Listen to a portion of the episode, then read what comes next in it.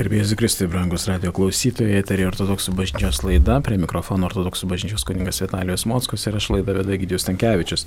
Šiandieną toliau tęsime mūsų ypatingą temą, ypatingą to, jog pirmą kartą Lietuvoje Liepos 26-27 dienomis švesime Lietuvos bažnyčios ortodoksų šventųjų dieną e, ir tai ypatinga mums šventė nes, na, po dviejų tūkstančių metų turėsime tokią išskirtinę dieną skirtą Lietuvai, na ir kurią šves visas pasaulis, aš manau, visi švesime šią dieną puikia. E, šiandieną kalbėsime apie 14 amžių. E, tai, tai bus įtraukti, tri, e, atsiprašau, penki šventieji. Tai yra e, šventieji Lietuvos kankiniai Jonas Antanas ir Eustachijus, taip pat kalbėsime apie šventąjį Aleksijų metropolitą ir apie šventąjį Kiprijoną, taip pat metropolitą. E, pradedant tėvę Vitalijau kalbėti apie Joną Antaną na, ir Eustachijų, žinome, jog Jonas ir Antanas na, buvo Vilniečiai, e, taip drąsiai galime sakyti, iš, to, iš tų kraštų lietuviai dirbo dvare prie Algirdo, buvo Algirdo svitoje, galbūt taip iš, iš, ištarti. Kitaip tariant, jie buvo valstybinės tarnybos klerkai. Na, žinomi.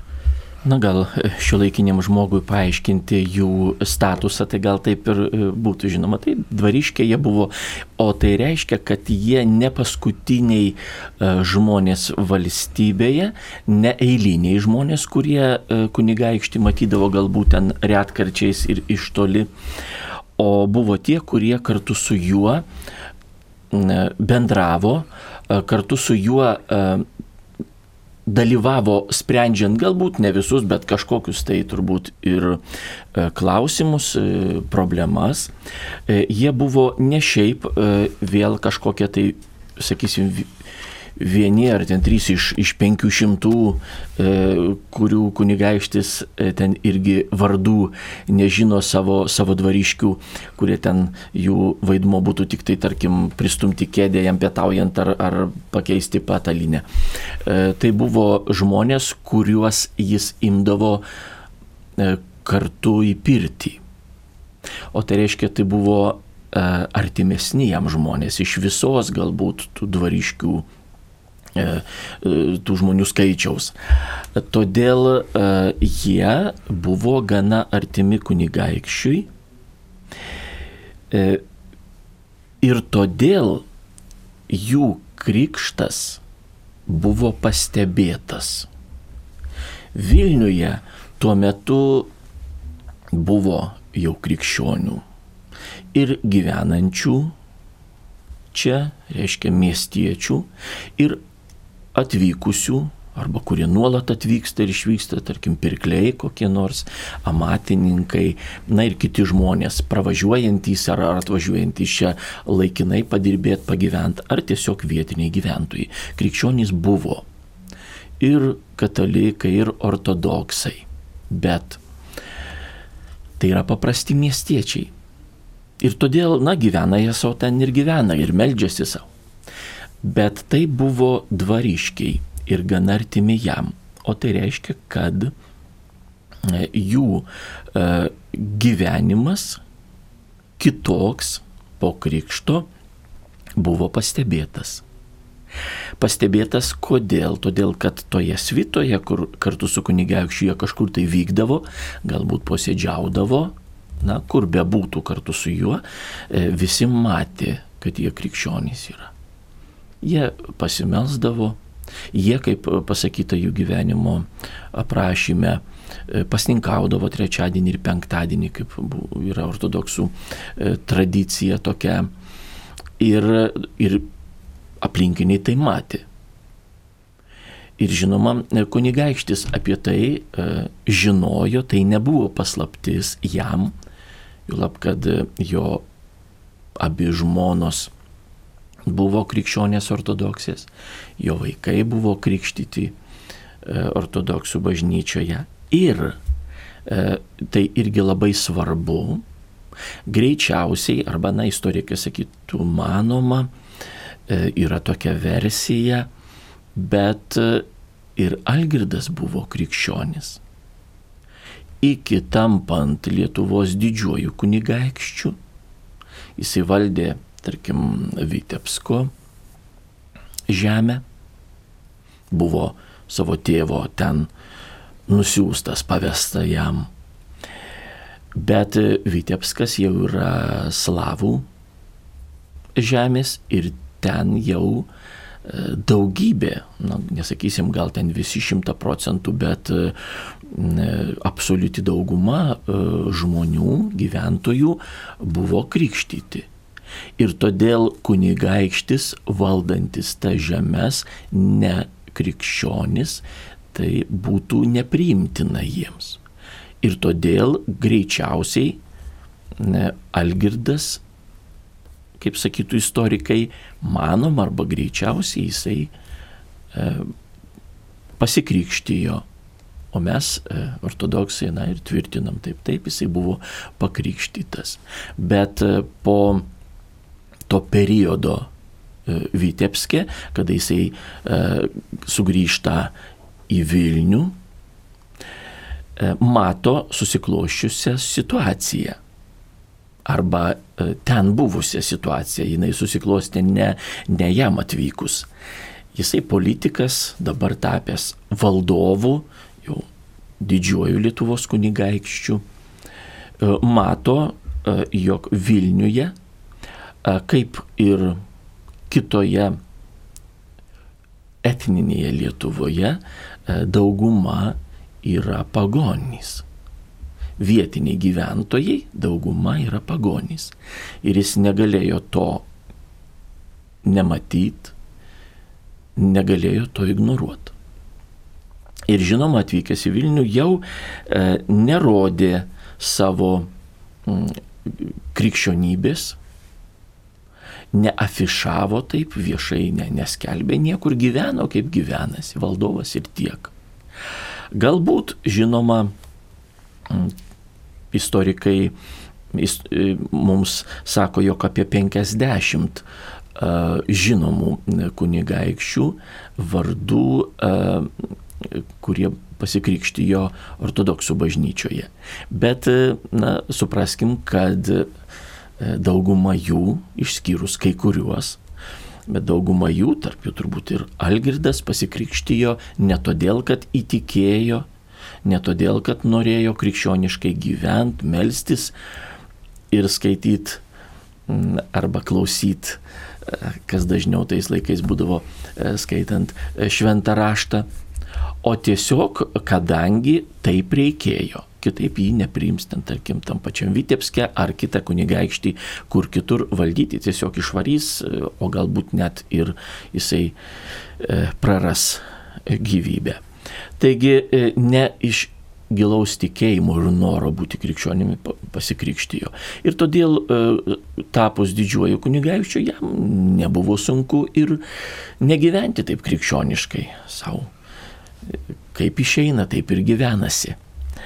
Va, ir, ir, bet jisai žinojo, kad jo dvariškiai va šitie, tapę jau dabar mes jų vardų nežinom autentiškų, kokie jie buvo iki krikšto, nes slavų metraščiai ir dokumentai slavų kalba e, tuos vardus kažkaip tai galbūt iškreipė savaip, savaip tariant e, ir, ir todėl dabar sunku atpažinti, kaip tai e, lietuviškai skambėtų. Tarkim, slaviški dokumentai mums byloja, kad jų vardai buvo Kumets, Kruglets ir Nežylo Nu, vad kokie čia vardai buvo e, lietuviškai, tai, tai sunku pasakyti. O jau krikščioniškus jų vardus, kadangi jie paskelbti šventaisiais, mes jau žinome, tai Antanas, Jonas ir Eustachijus. Va, ir, ir Algirdas, žinodamas, kad jie yra krikščionys, na, tiesiog, na, gyvenkit savo krikščioniškai ir, ir nelabai ten e, draudė. Nežinojo, kad, kad Vilniuje yra krikščionių arba Lietuvoje apskritai yra krikščionių. Bet e, konfliktas tarp Algirdo ir jo aplinkos iš vienos pusės ir tos krikščioniškos dar nedidelės dalies. E, iš kitos pusės e, dvare e, arba, sakykime taip, politinėje erdvėje, politikoje prasidėjo kaip tik todėl, kad šitie dvariškiai tikrai krikščioniškai gyveno. Ne šiaip savo ten pasikrikštijo ir jau vėl kaip gyvenasi, bet tikrai stengiasi gyventi dorai ir krikščioniškai. Ir tai jau sukėlė pirmiausia e, tokią baimę, kad va šitie krikščionys yra gana įtakingi, jie turi prieimą ir gana artimą ir dažną prie kunigaikščio ir todėl gali savo pažiūras, e, savo reakciją į įvairius e, įvykius, procesus e, perduoti arba įkalbėti kunigaikštį pasielgti arba priimti sprendimą tokį, koks tinka krikščionims. Ir šita pagoniškoji aplinka išsigando, kad jie praranda galbūt ne visiškai, bet vis tiek jau praranda na, tam tikrą įtakos dalį. Galbūt kažkur tai. Ypač kada pamatė, jog Algirdas ne tik leidžia, bet ir pats dar inicijuoja, tarkim, žmonių prašymų e, krikščioniškų bažnyčių statybas sostinėje tame tarpe. Ir mes žinom, kad iš tų laikų yra na, e, dabar gyvuoja dar, tarkim, dvi Vilniuje, dvi, dvi parapijos, jos jau nebe taip atrodo kaip Algirdo laikais, bet įkurtos tos bendruomenės ir pastatytos šventovės buvo viena 1345 metais, kita 1346 metais. Dvi iš karto viena po kitos, beje, šalia viena kitos. Ir ta pagoniškoji aplinka mato, čia kažkas keičiasi ir ne į jų pusę, ne į jų naudą. Ir todėl pradėjo aktyviai veikti, kad tuos krikščionis Vilniuje ten tiek to eilinių žmonių daug, e, krikščionių, neikreipkim dėmesio kol kas, bet e, tarkim iš kunigaikščio aplinkos juos reikia eliminuoti. Iš tiesų, apskritai, na, visoje istorijoje jaučiam tą politinės peripetijas, na, tuometinę kovą, e, na, kuri jaučiama tarp tos, netgi sakyčiau, tuo metu ortodoksinės besidarančios Lietuvos, nes katalikybės dar tuo metu nebuvo. Ir, na, įsigaliojant šitiems, bandant įsigalioti ortodoksijai, baltų žiniai iš ties užima tą poziciją tokią įdomią, jo labiau ir apie patį Algirdą kalbant, kad, na, po dešimties metų, kada yra nužudomi šie kankiniai, trys kankiniai, prasideda strievos mūšis, tai iš ties įtampa yra didžiulė ir, ir, ir Algirda, ko gero, na, turėtumėm kažkiek tai suprasti, jog jam buvo sudėtinga ir sprendimą priimti ir tuo pačiu ir valdytojui būti. Galbūt kaip krikščionis jis labai pergyveno dėl tų trijų kankinių mirties, bet kaip valdovas jis turėjo vis tiek kažkokius sprendimus priiminėti. Taip, kaip politikas, e, štai e, matom vėl vieną iš pavyzdžių, kada, na, e, ieško kažkokių tai kompromisų. Ir žinoma, taip keista, jeigu žiūrint tik tai va taip datas, 345 metais viena šventovė pastatoma, 46 kita, o 47 nužudomi kankiniai. Kur čia logika yra? O logika va toje politikoje. Ir, bet čia irgi vėl svarbu pabrėžti, kad jeigu jie būtų nužudyti tik todėl, kad yra įtakingi politikai, jie nebūtų paskelbti šventaisiais. Nes ne tai e, duoda pagrindą e, kanonizacijai, ne tai, kad jie tiesiog nužudyti. Nužudoma yra daugybė žmonių dėl įvairių priežasčių. O kodėl jie paskelbti šventaisiais? O čia toks klaustukas galbūt daugeliu žmonių, o atsakymas labai paprastas. Matydami, kad juos stengiasi išstumti, eliminuoti, priversti gyventi nekrikščioniškai, arba bent jau viešai to nerodyti, nedeklaruoti, jie kategoriškai atsisako. Jie toliau gyvena kaip krikščionys. Ir jiems va ta politika, tie procesai ten dvare ar aplink jį, toje aplinkoje politinėje, tų partijų kažkokiu tai 14 amžiaus supratimu partijų įtakos sferų kažkokiu tai ten dalymasis, jiems buvo antrailiai dalykai. Jiems svarbiau buvo krikščionybė, jiems svarbiau buvo jų dvasinis gyvenimas, jiems svarbiau buvo Kristus. Ir todėl nežiūrinti tai, kad jie buvo ir e, suimti, ir Antanas, ir Jonas, jie beje broliai buvo, o Eustachijus jų giminaitis, manoma pusbrolis, arba kitas koks artimas giminaitis.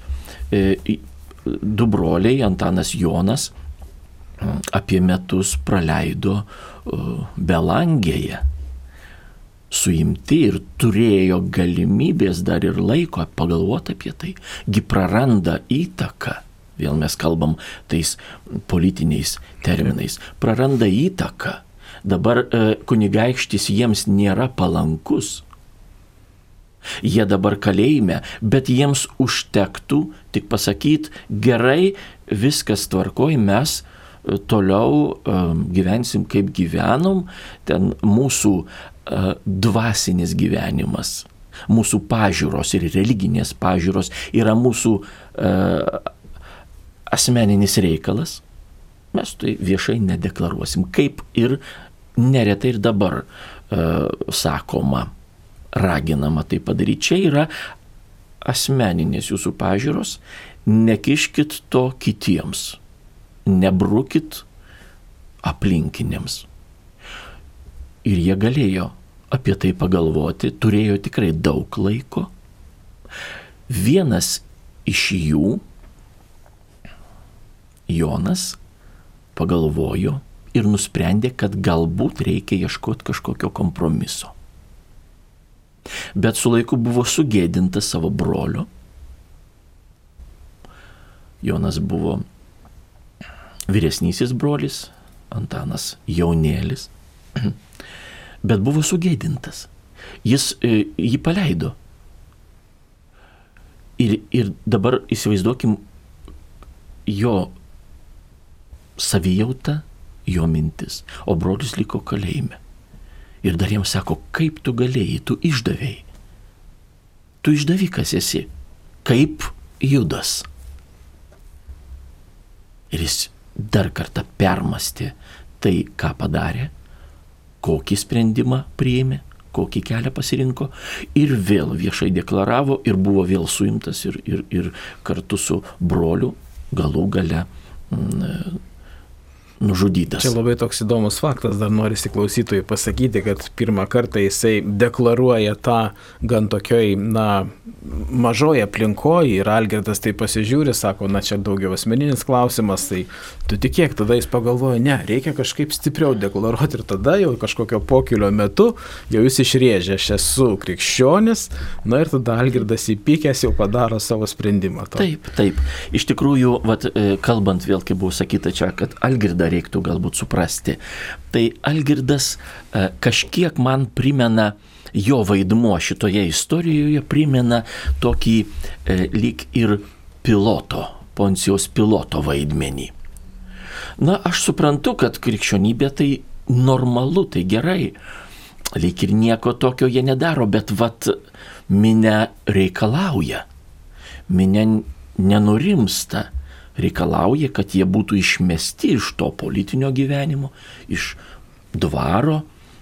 Ir maža to, jau galiausiai įpykusi minė, sako, juos reikia ir visai eliminuoti ir iš gyvenimo. Jie buvo po kankinimų pakarti. Ir Algirdas priima tą sprendimą jisai netrukdo. Ir lyg ir, na, jisai tai padarė, nes valdovas už viską atsakingas, bet, nu, taigi čia vad reikalauja ta stipri, stipri pagoniškoji, taip jinai nesivadino, bet, bet, bet mes kalbam dabar apie pažiūras, pagoniškoji e, jo e, svitos, jo politinės aplinkos dalis. Ir jisai nenorėjo jos irgi pykinti. Prisiminkim Poncijų pilotą, aš nematau jame jokios kalties. Ir todėl jis ėmė ir nusiplovė rankas, bet atidavė kariams, sargybą ir kariams, kad jį nuplaktų ir paskui nukryžiuotų. Tai vat, kažkas vat, atgarsis toks yra, primena. Primena. Tai vat Algirdas suprantama, jis veikia kaip politikas. Galų gale su laiku jam teko e, tai ir pripažinti. Bet e, dar vienas yra mm, e, veikėjas šitoje istorijoje. Tų dviejų brolių artimas giminaitis, pausbrolis galbūt, jo vardas Eustachijus, kuris buvo jaunas labai, jam buvo apie 20 metų. Na ir jisai matydamas šitų savo giminaičių likimą, jų e, visą tą istoriją, peripetijas, galų gale viešai vėl išpažįsta, kaip ir Jonas, kuris išsižadėjo, na, o Eustachijus nebuvo e, iš pradžių um, suimtas, nes, nes e, na, brolius suėmė, va šitie du pagrindinio, tas kažkaip nuo šaly buvo, bet jisai pagalvojo, kaipgi taip, bet aš irgi krikščionis ir aš esu ten, toje aplinkoje. Mes taip dabar e, galbūt e, čia sugalvojam, e, kaip suformuluot tą jo minčių eigą, bet iš tos istorijos matom. Ir jis taip masto, taigi, o manęs nepastebėjo. Paprastai taip masto daugumą atvejų. Masto šitaip galvoja tie žmonės, kurie nori, kad juos pagirtų. Manęs nepastebėjo. Aš kažką tai tokio padariau, atlikau ir niekas apie tai nekalba. Kodėl manęs nepastebėjot, kodėl man nepadėkojot, kodėl ten e, apie mane neparašyt. Kada kalbama apie pozityvą kažkokį tai, apie pagiras, apie padėką, apie kažkokį tai atlygį, kurio aš negavau, kadangi vis tiek, bet atlikau, tegu ten bus maža dalelytė, bet irgi dalyvavau, o mano vardo niekas nepaminėjo. O čia atvirkščiai, jis žinojo, kas jo laukia. Jis matė savo giminaičių likimą.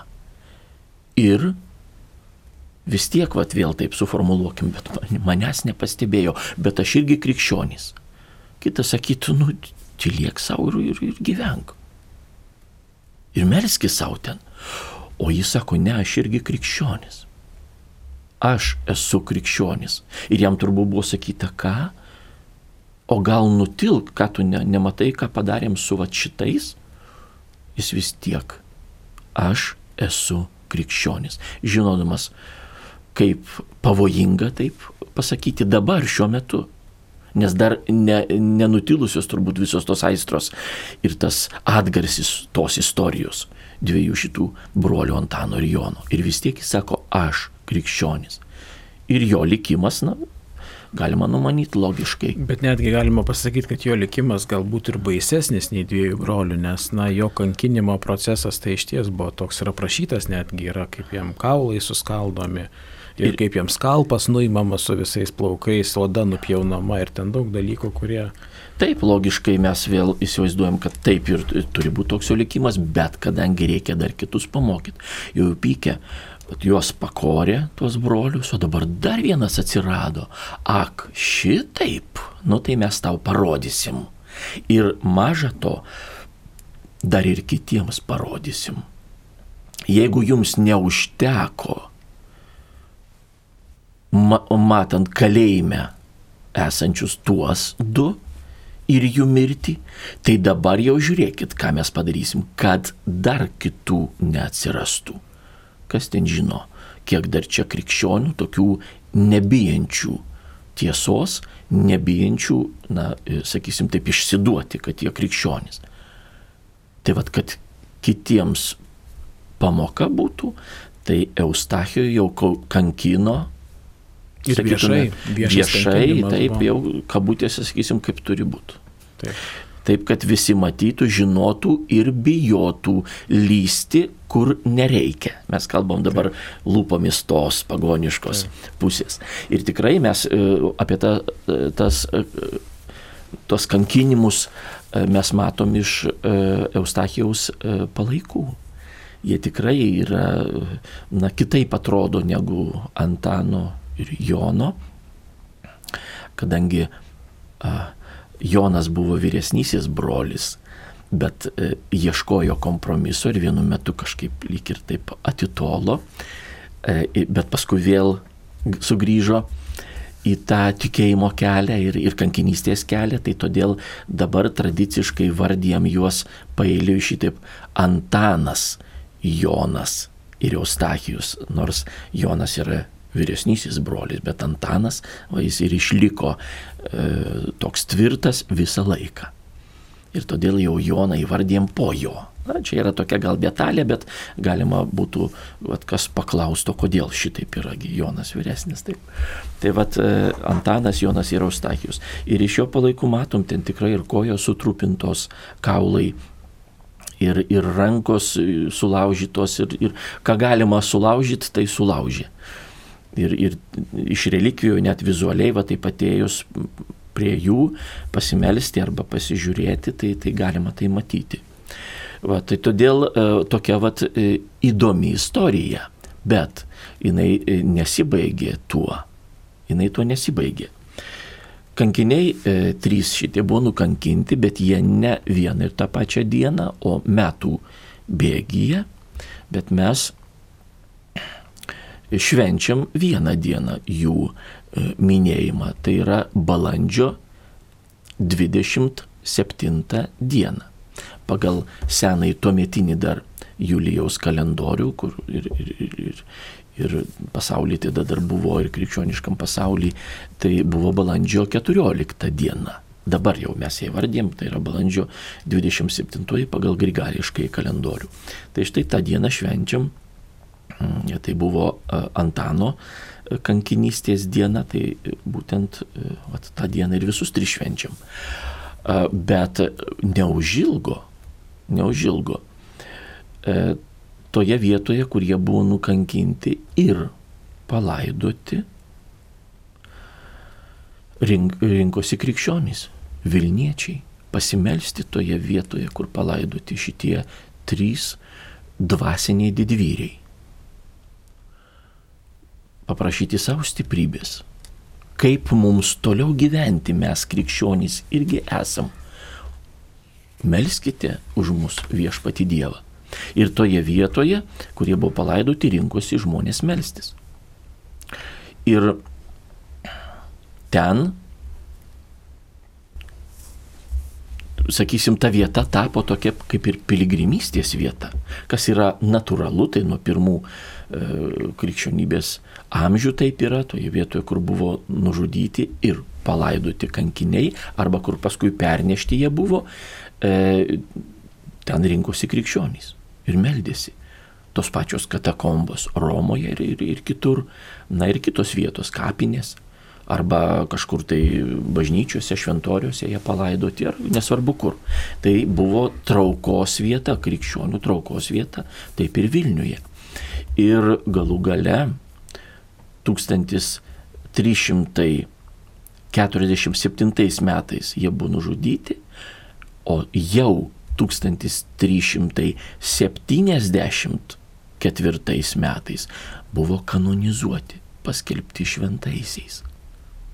Ir jų, taip sakykime, kultas va, iki šiol, iki šiol gyvas. Ir toje vietoje Algirdas leido. Vat vėl e, kalbėjom apie tai, vat kaip jam būti. Mhm. Tai jisai, žinoma, į gyvenimo pabaigą suprato, e, kad na, negerai elgėsi. Kitas užmirštų apie tai, numotų ranką, ką padariau, padariau ir viskas, ir man čia nenurodinėkit. Bet jisai leido toje vietoje pastatyti šventovę bažnyčią. Švenčiausiosios trejybės, kur e, neužilgo įsikūrė ir vienuolynas prie tos bažnyčios. E, ir, ir jisai iki šiol yra Vilniuje. Ir galų gale matom, jog Algirdas tikrai, na, jisai suprato ir jisai galbūt ir labai gailėjusi dėl to, ką padarė, nes kitaip neleistų statyti bažnyčios, kuri yra, sakysim, priminimas apie jo va šitą kaip Poncijaus piloto vaidmenį. O kam čia priminti? Kanonizavot juos, tai gal čia nereikia mums Lietuvojų kulto. Bet jisai leido, jisai neprieštaravo tam. Taigi, vat, tokia istorija įdomi. Tėve Vitalijau, dar, na, iš ties, na, mastant apie šventumą, nes esmė yra pakalbėti ir apie patį šventumą, mes matome, jog Antanas ir Jonas, nepriklausomai esant kalėjime, kurį laiką ten praleido, negana to, kad jie, kaip jūs sakėte, turi laiko pamastyti, bet jie dar ir pamokslauja kas labai yra įdomu su metropolito leidimu ar ne vietinio kažkokiu ten būdu bendravimu, jie, jiem leidžiama yra pamokslauti. Ne tai, kad e, pamokslauti, čia ne pamokslavimas yra, jie nesakė pamokslų, homilijų. Jie tiesiog liudijo, jie bendravo su juos lankančiais žmonėmis, krikščionimis. Jų gausėjo vis. E, taip, e, ir, ir, ir jie kalbėjo tiesiog kalbėjo, jiemsgi irgi sakyta buvo, tai gal jūs kaip nors, gal nereikia, gal pasakykit, kad kažką tai pasakykit ir jūs paleis ir mes vėl toliau va, melsimės kartu. O, ogi dabar matot, kas su jumis. O jie tiesiog liudijo, liudijo savo vidinį dvasinį pasaulį, kuriame pagrindinę vietą užėmė Dievas. Ir tas liūdėjimas čia buvo, čia ne tiek pamokslavimas, čia ir to leidimo nereikia, ir, ir nieko čia nėra formalu kažkas tai. Čia tiesiog buvo a, pokalbis iš širdies. Ir to užtenka. Jisai labiausiai pasiekė žmonių širdis. Ne tie pamokslai, kuriuos mes paruošiam, paskaitė kažkiek knygų ir e, sudarė kažkokią tai kompiliaciją dabar, ką čia papasakoti žmonėms. Čia reikia turėti tikrai Dievo dovaną prisibels prie širdžių. O tai buvo uh, liūdėjimas žmonių, kurie, jeigu ne šiandien, tai rytoj žus. Bet jie nekeičia savo nuomonės, nekeičia savo pažiūrų ir apie tai atvirai kalba žmonėms. Taip, me, mus uh, užmuš, uh, suprantama. Bet čia mūsų tikėjimas. Ir vat toks liūdėjimas tikrai buvo ne tik stiprus, vat toks liūdėjimas būna galingas. Jisai taip, mąstymas apie amžinai gyvenimą. Ir dar, dar norėtųsi pasakyti taip pat apie tą patį šventumą ir, na, kad ir paimkime Eustachijų, jaunas žmogus, na, kaip, ko gero, istorija apie tai kalba, jog buvo labai išvaizdus ir ypatingai kėlė na, Algirdo aplinkoje matėsi, jog tas žmogus gali pasiekti aukštumų politikoje. Išvaizdus, kaip sako, na, jam visas gyvenimas yra prieš akis, tačiau jisai vėlgi renkasi kitą kelią. Taip, nors tikrai e, galima būtų taip pamanyti, viskas, taip, kiek tu gali pasiekti, kiek tu gali. Ir jam tai buvo sakyta. Bet jo tai nepaveikė, tai nebuvo tas argumentas arba tie argumentai, kurie priverstų jį E, keisti savo pasirinkimą. Niekas, joks argumentas ir joks žodis negalėjo jame užgošti e, Dievo dvasios. Va tai jam buvo svarbiausia ir todėl jisai ir žūna. Bet todėl jisai ir ištveria tuos kankinimus, nes kitaip tai čia iš tikrųjų labai baisu ir, ir, ir turbūt ten e, kankinant anksčiau juk kankindavo, kada reikdavo išgauti kokios tai informacijos. Ir tai buvo normalu.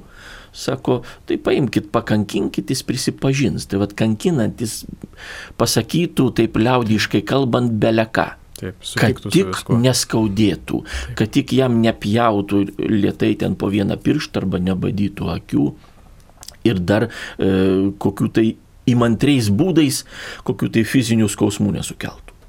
Įmantriai žvėriškais ar čia kaip siaubingais būdais. O, o va taip kankinant, šitaip kankinant jį, jis neįsižada.